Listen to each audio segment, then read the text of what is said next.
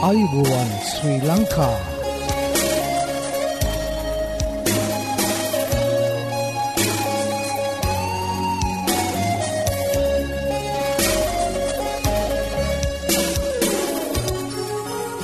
ඔබට සුපදවස මේ ඇඩවෙන්ටිස් වර්ල් රේඩියෝ බලාපොරොත්වය හඬයි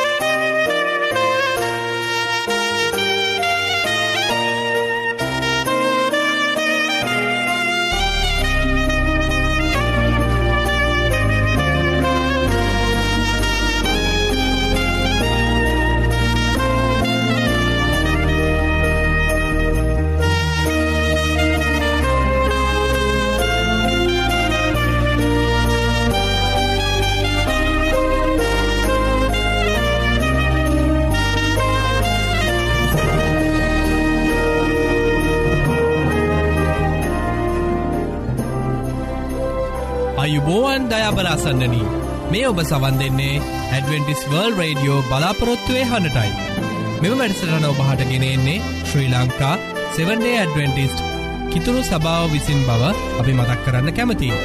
ඔබගේ ක්‍රස්තියානි හා අධ්‍යාත්මක ජීවිතය ගොඩනගා ගැනීමට මෙම වැඩසටහන රුකුලක්වය යප සිතනවා. ඉතින් පැදි සිටින්න අප සමඟ මේ බලාපොරොත්තුවේ හඬයි.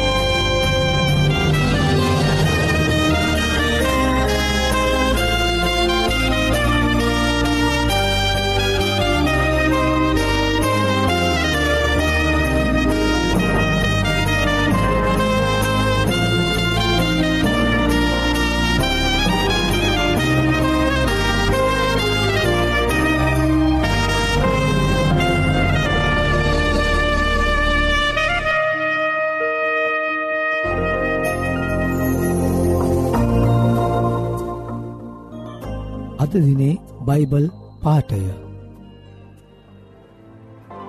හිතෝපදේශ දොළොස්වන පරිච්චේදේ පළමුුණ පදය. අවවාදයට ප්‍රේම කරන්නා දැනගැන්මට ප්‍රේම කරන්නේ. එහෙත් තරවටුවට දවේශ කරන්නා මෝඩේක්‍ය.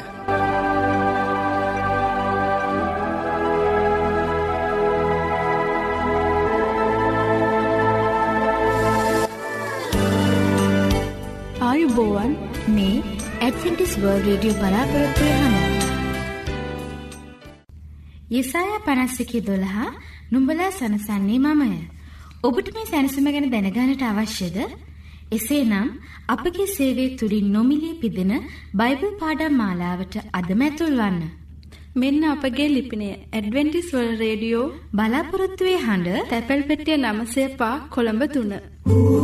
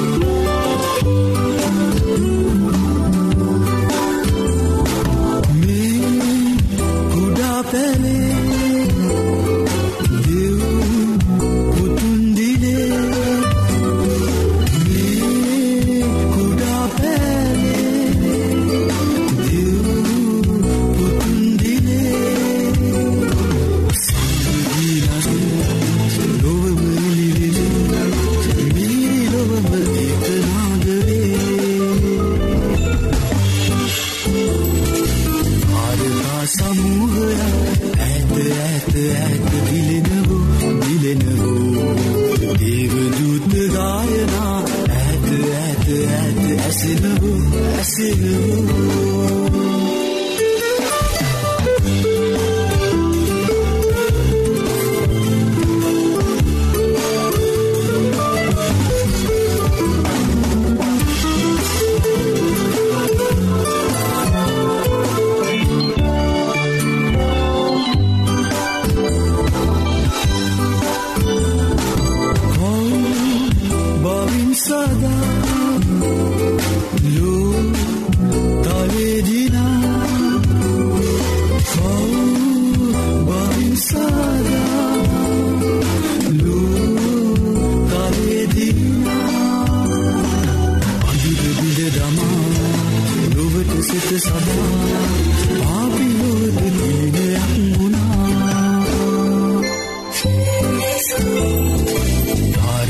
තාරකා සමූහය ඇත ඇත ඇත දිලෙනවෝ දිලෙනවෝ දේවදූත ගායනා ඇත ඇත ඇත ඇසෙනවෝ ඇසෙනවෝ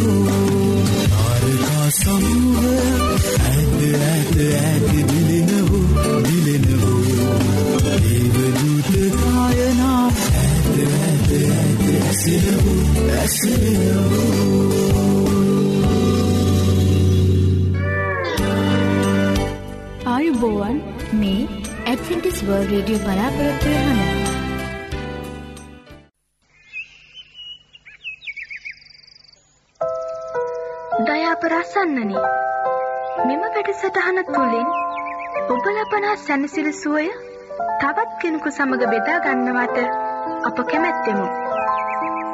අපගේ මෙම විකාශයට සවන් දෙන පිණිස ඔබගේ මිතුරු මිතුරියන්ටත් ඇරයුම් කරන්න. ඒ වගේම ඔබ මෙම වැඩසටහන් පිළිබඳව දරන මත හා අදහස් අපට ලියා එවන්න. මතකද අපේ ලිපිනය ඇඩවෙන්ටිස්ට් වර්ල් රේඩියෝ බලාපොරොත්තුවේ හඬ තැපැල් පෙට්ටිය නවසය පහ කොළඹ. මෙන්න නැවතත් ඇඩවෙන්ටිස්ට් වර්ල් රේඩියෝ බලාපොරොත්තුවේ හඬ තැපැල් පෙට්ටිය නවයයි බිඳුවයි පහ කොළඹ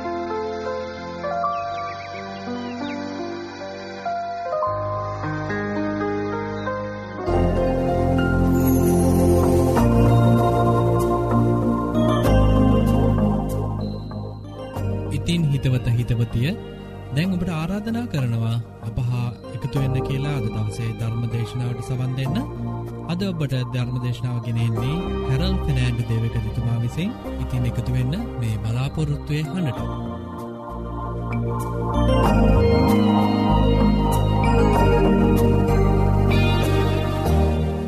මාගේ ආදරණීය දියණිය පුතනුව මේ ජීවත් වෙන ලෝකය තුළ ඔබ ඉතාමත්ම බුද්ධිමත් පුද්ගලයෙක් වෙන්නට පුළුවන්.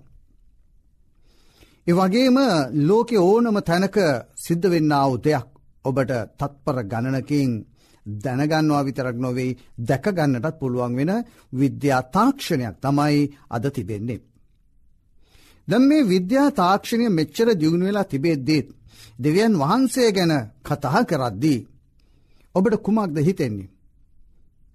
ඔබට විශ්වාසයක් ඇත්වෙනවද අවිශ්වාස සහගත තත්ත්වයක් උදාවෙනවාද.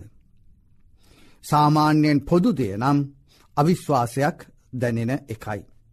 මෙන මේ නිසා මම අද ඔබට කතා කරන්න යන්නේ. ඔබගේ සිතට දෙවියන් වහන්සේ ගැන අවිශ්වාසය දැනෙද්දේ කුමක්ද ඔබ කළ යුත්තේ කියන එක ගැනයි. අපි දෙවියන් වහන්සේ ගැන කතහ කිරීමේදී අනිකුත් මාතෘකා හා තේමා යටතේ කතා කරනවාට වඩා පරිස්සමෙන් යාඥාවෙන් යුක්තවම කතහා කළ යුතුයි. මොකද කිව්වොත් සාතන් විසින් ලෞකික ලෝකයේ තෘෂ්ණා සහ මාංෂික වූ තෘෂ්ණා අප සිත තුළට ඇතුල් කරන්නට ගොඩක් උත්සාහ කරන නිසයි. සාතන්ට අවශ්‍ය වන්නේ දෙවියන් වහන්සේ තුළ තබන විශ්වාසයෙන් ඇදහිල්ලෙන් මනුෂ්‍ය ජාතියවම ඈත් කර තබන්නටයි. ඒ මනුෂ්‍යයා දෙවියන් වහන්සේගේ දරුවෙක් වනවා දැකීමට අකමැතිවා සේම ලෞකිකත්වයේ මාංෂික තෘෂ්ණත්වයෙන් දරුවෙක් වී දෙවියන් වහන්සේව අත්හැර සාතන්ගේ දරුවෙක් වෙනවා දකින්නට ආසනිසයි. එය සදා කාලිකවම විනාශ්‍යයට යාමේ මාර්ගයයි. ඒ නිසා අපි දෙවියන් වහන්සේ ගැන ඉතාමත්ම ගෞරවයෙන් යුක්තව. නමස්කාර පූර්වයෙන් යුක්තව දේව වචනය තුළින් මේ පිළිබඳව විමසා බලමු. මාක් සුභාරංචිය කොළොස්සනි පරිච්චේදේ විසි දෙවැනි පදේදං විසි හතරවනි පදය දක්වා මෙන්න මෙහෙම ඔබට පවසනවා. ජේසුස් ක්‍රිස්තුස් වහන්සේ ඔවුන්ට උත්තර දෙමින් දෙවියන් වහන්සේ කෙරෙහි ඇදහිල්ල ඇතිව සිටපල්ලා. සැබවක් සැබවක් කියමි. කවරෙක් නමුත් මේ කන්දට කතහා කොට.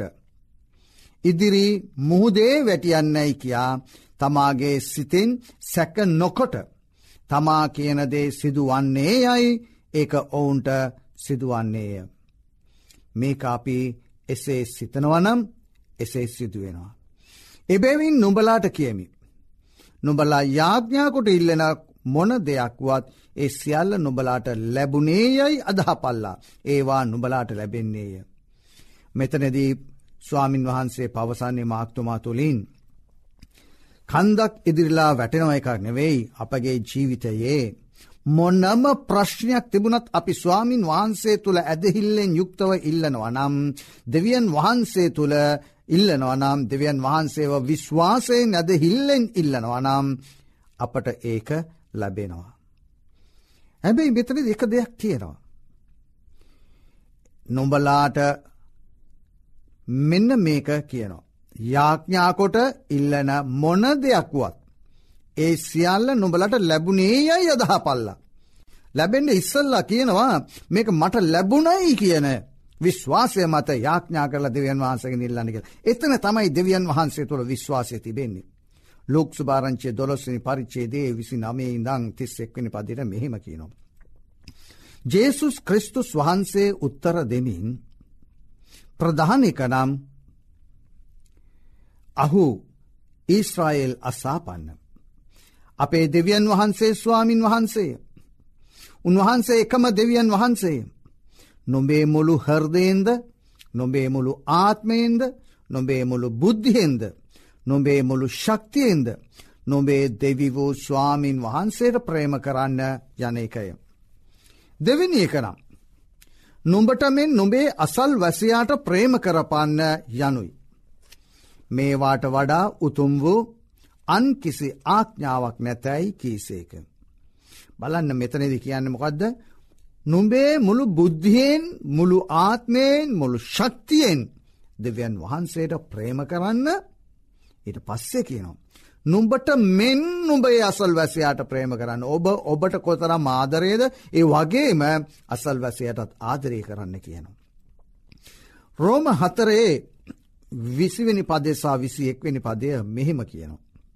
එසේය දෙවියන් වහන්සේගේ පොරොන්දුව දෙස බලා මොකක්ද කියන්නේ දෙවියන් වහන්සේගේ පොරොන්දුව දෙස බලා. ඇදහිල්ලෙන් බලවත්ව. දෙවියන් වහන්සේට ගෞරව කරමින්. පොරොන්දු වූදේ ඉෂ්ට කරන්ට උන්වහන්සේට පුළුවන්ය කියා නිස්සැකව විශ්වාස කළේය කියලා. අන සුදු පවුරුතුම ලස්සන කොටසක් එතන කියන්නේ. දෙවන් වහන්සේක පොරොන්දුව දෙස බල ඇදහිල්ලෙන් බලවත්ව දෙවියන් වහන්සට ගෞරව කරමින් පොරොන්දු වූදේ ඉෂ්ට කරන්ට උන්වහන්සේට පුළුවන්ය කියා නිස්සැක්කව විශ්වාස කළොත් ඔබට ඒදේ ලැබෙනවා. මෙන්න දෙවියන් වහන්සේගේ පොරොන්දු. දෙවියන් වහන්සේ කියනවා කිසිම නිස්සැක්කකමත් තබාගණ්ඩ පයි කියලා. අපි උන්වහන්සේව විශ්වාස කළ යුතුයි. එක තෙසලෝනික පහේ විසි හතර කියනවා. නුම්ඹලා කැඳවන තැනන් වහන්සේ විශ්වාසව සිටිනසේක. උන්වහන්සේ ඒක ඉෂ්ටද කරනසේක. ඒ දෙවියන් වහන්සේ ඔබව විශ්වාසව කරනවා. ඔබ තුළ විශ්වාසයක් තබල තිබෙනවා. ඔබ උන්වහන්සේ තුළ විශ්වාසයක් තබල තිබෙනවාද. ඔබ උන්වහන්සේට විශ්වාසවන්තව ජීවත්වෙනවාද මෙන්න මෙතනයි ප්‍රශ්න තිබෙන්නේ. ඒ නිසා මගේ ප්‍රිය දියණිය පුතනුව. දෙවියන් වහන්සේව අවිශ්වාස කරන්න එපා. උන්වහන්සේ තුළ ඇදහිල්ලෙන් යුක්තව උන්වහන්සේ තුළ විශ්වාසයෙන් යුක්තව ජීවත්වන්න ඔබගේ ජීවිතය සාර්ථක වෙනවා. එක තෙස්ලෝනික පහේ විසිහතර එසේ කියද්දී. යෙසායා කියනවා මෙන්න මෙහෙම යෙසාය හතල් සයි දහය සහයකුලා. මම වනාහි අන්තිමයේ මුලපටන්ද තවම සිද්ධ නූන දේද. පුරාණයේ පටන්ද දන්වන්නා වූ මාගේ මන්ත්‍රණ පවත්නය කියාත් මාගේ මුළු කැමැත්ත ඉෂ්ට කරන්න මෙයි කියාත් කියන්නා වූ තැනන් වහන්සේය. මම නැගෙනහිරෙන් ගිජු පක්ෂයෙක්ද දුරදේශයකින් මාගේ මන්ත්‍රණයේ මනුෂ්‍යයාද කැඳවා ගන්න තැනන් වහන්සේය. එසේය. මම කියා තිබෙන්නාක් මෙන්ම ඒක පමුණුවන්නෙමි. මම යෝජනා කර තිබෙන්නාක් මෙන්ම ඒක කරන්නෙමි. එසේනම් මේ සර්ව බලධාරි වූ දෙවිපාණන් වහන්සේව ඔබ විශ්වාස නොකර සිටින්නේ නම් මහත්ම මහත් මෝඩකමත් තමයි ඔබගේ ජීවිතය තුළ. එනිසා දෙවියන් වහන්සේව විශ්වාස කරන්න. ජෙසුස් වහන්සේව විශ්වාස කරන්න. මේ විශ්වාසයෙන් පිටතට එක මොහොතක්වත් යන්නට එපා. අනේ නිසා දෙක පේත්‍රස් පොතේ තුන්ගනි පරිච්චේදයේ නමහිනි පදය මෙහෙම කියනවා. ප්‍රමාදයයි සමහරුන් සලකන හැටියට ස්වාමින් වහන්සේ තමන්ගේ පොරොන්දුව ගැන ප්‍රමාදනොවනසේක. නමුත් සියල්ලන්ම පසුතවිලි වෙනවාට මිස කිසිවෙක් විනාස වෙනවාට උන්වහන්සේ නොකැමතිව නුම්ඹලා කෙරෙහි බොහෝ කල් ඉවසනසේක. ඔබ තවමත් දෙවියන් වහන්සේව අවිශ්වාසයෙන් යුක්තව සිටිනෝනම් උන්වහන්සේ ඉවසීමෙන් සිටිනවා ඔබ කවදද දෙවියන් වහන්සේ වෙතර හැරෙන්නේ කියල බලාගෙන. එතෙක් ඔබට ආශිරවාද කරමින් ඔබ ආරක්ෂා කරමින් සිටිනවා ඇයි හේතුව ඔබ දෙවියන් වහන්සේ වෙතර එයි කියන ඒ බලාපොරොත්තුව තුළ. ගීතාවලියේ දහටේ තිහ කියනවා දෙවියන් වහන්සේගේ මාර්ගය සම්පූර්ණය ස්වාමින් වහන්සේගේ වචනය නිර්මලය. උන්වහන්සේ තමන් සරණකොටගන්න සියල්ලන්ට පලිහක් වන සේක. ඒ වගේම ඒසාය පනස්නමය එක කියනවා බලව. ගලවන්ට බැරි ලෙස ස්වාමින් වහන්සේගේ අත කොට වෙලාවත් නෑසන ලෙස උන්වහන්සේගේ කන බිහිරි වෙලාවත් නැත. එසේනම් ඔබ කියන්නාව කරන්නාව සෑම දෙයක්ම උන්වහන්සේට ඇසෙනවා. ඔබගේ සිතුවිලි පවා දන්නාව උන්වහන්සේ ඔබ ගැන්න තවමත් ඉවසීමෙන් සිටිනවා. ඔබ කොයි වෙලාවිද උන්වහන්සේ වෙතර හැරෙන්නේ කියලා. මගේ ප්‍රිය දියනිය පුතනුව දෙවියන් වහන්සේ වෙතර හැරෙන්න්න. ජේසු තුමා තුළින් පාප සමාව ලබාගන්න. ශුද්ධාත්මයණන් වහන්සේ තුළින් ඔබගේ ජීවිතය මෙහෙ වන්නට ඉඩ ලබා දෙන්න. මෙන මේ නිසායක පේත්‍රස් පොතේ හතරේ දොළහා දහතුන මෙහෙම කියනවා. ප්‍රේමවන්තේනි. නුඹලා සෝදිසි කිරීම පිණිස පැමිණෙන නුඹලා අතරේ තිබෙන ගිනිමය පීඩාව ගැන අපූර්ව කාරණාවක් නුබලාට සිද්ධ වෙන්නාක් මෙන් පුදුමනොවෙල්ලා. නොමුත් ක්‍රිස්තුස් ජේසුස් වහන්සේගේ තේජසේ එළිදරව්වීමේදී නුඹලා ඉතා මහත් ප්‍රීතියකින් ප්‍රීතිවන පිණිස. උන්වහන්සේගේ දුක්විඳීමේහි නොබලා පංගුකාරයන් වන ප්‍රමාණයට ප්‍රීතිවයල්ලා. ඒ වගේම පවුලුතුමා කියනවා රෝම පොතේ දහයේ දාහතෙන් මෙසේ ඇසීමෙන් ඇදහිල්ලද. ක්‍රිස්තුස් වහන්සේගේ වචනයෙන් ඇසීමෙන් පැමිණෙන්නේය. මෙසේ ඇසීමෙන් ඇදහිල්ලද ක්‍රිස්තුස් වහන්සේගේ වචනයන් ඇසීමද පැමිණෙන්නේය. එතකොට ඇදහිල්ල ලබා ගන්නට ක්‍රිස්තුස් වහන්සේගේ වචනයෙන් අපි අහන්නට ඕන නිතරම. ඒ වගේම අවසාන වසයෙන් අපි දෙවියන් වහන්සේ තුළ විශ්වාසය තබමින් උන්වහන්සේ තුළ විශ්වාසය නැති අයත් උන්වහන්සේ වෙතට හැරෙන්න්නට බලාපොරොත්තුවමින් යෙසායා පොතේ පනස් පහහි දහයයි එකොළහයි මොකක්ද කියන්න කියල බලමු. එලෙස වැස්ස සහ හිම අහසෙන් බැස පොළොව පොඟවා සස්්‍රික කර පල හටගන්වා. වපුරන්නට බීජද? කන්නාට කෑමද? දෙනතුරු එහි හැරී නොයන්නාක් මෙන්. මාගේ මුකයෙන් නික්මෙන මාගේ වචනයත් මා වෙතට හිස්ව නෑරී හිස්ව හැරී නෑවීත්. මා කැමති ලෙස සිදුකොට මා නියම කළ කාරණය සපල කරනවා ඇත. යළිත්වරක් මංගේ පදය කියන්න. එලෙස වැස්ස සහ හිම ආසෙන් බැස පොළොවට පොඟවා සස්්‍රික කළ පල හටගන්වා වපුරන්නට බීජද කන්නාට කෑමද දෙනතුරු. එයි හැරේ නොයන්නාත්මෙන් මාගේ මුකහෙන් නික්මෙන මාගේ වචනයත් මා වෙතට හිස්ව හැරී නෑවිත් මා කැමතිදය සිදුකොට මා නියම කළ කාර්ය සපල කරනවා ඇත.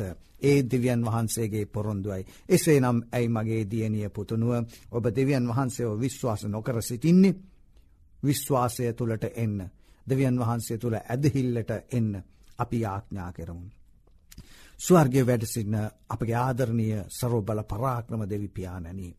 ඔබහන්සේ නමස්කාරයත් ගෞරෝයත් ප්‍රසංසාවත් මහිමියත් ලබා දෙමින්.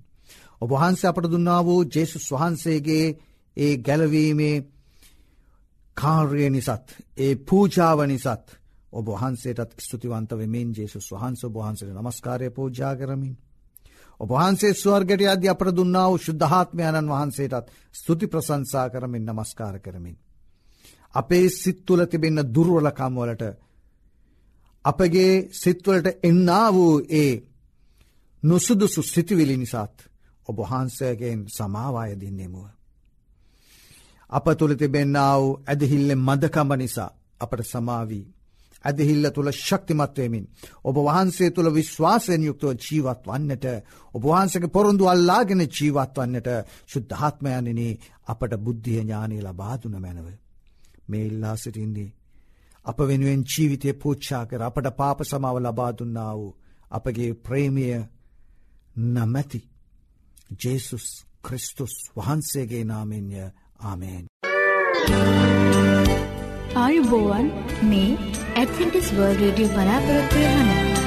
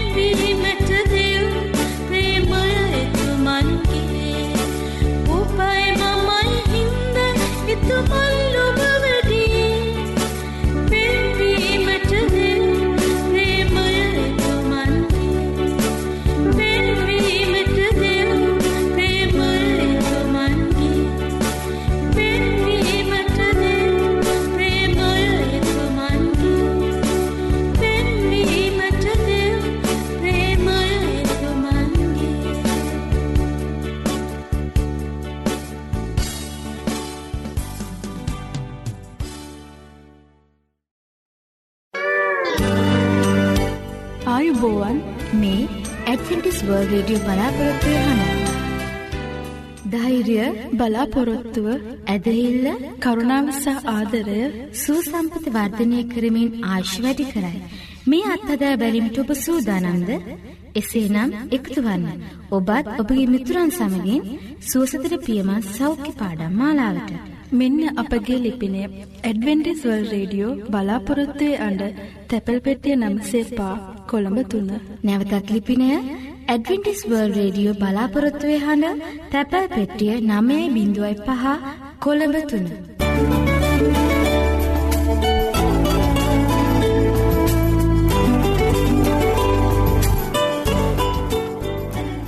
ඉතින් අසන්නනී ඔබලාට ස්තුතිවන්ත වෙනවා අද දවසේ අපගේ වැඩසටාන් සමඟ රැඳී සිටීම ගැන ඉතිං තව පෑකේපයකින් ලබන්නාවේ නත්තල ඔබට සාමය සතුට පිරි ප්‍රීතිමත් නත්තලක් වේවයි කියලා අපි ප්‍රාර්ථනා කරනවා. ඉතිං අදත් අපි ඔබෙන් සමගන්නවා හෙටත් සුපුරුදු වෙලාවට හමුවීමට බලාපොරොත්තුවයෙන් සමුගන්නාමා ක්‍රස්තියකනයක. ඔබලාට සුබ නත්තලක් වේවා.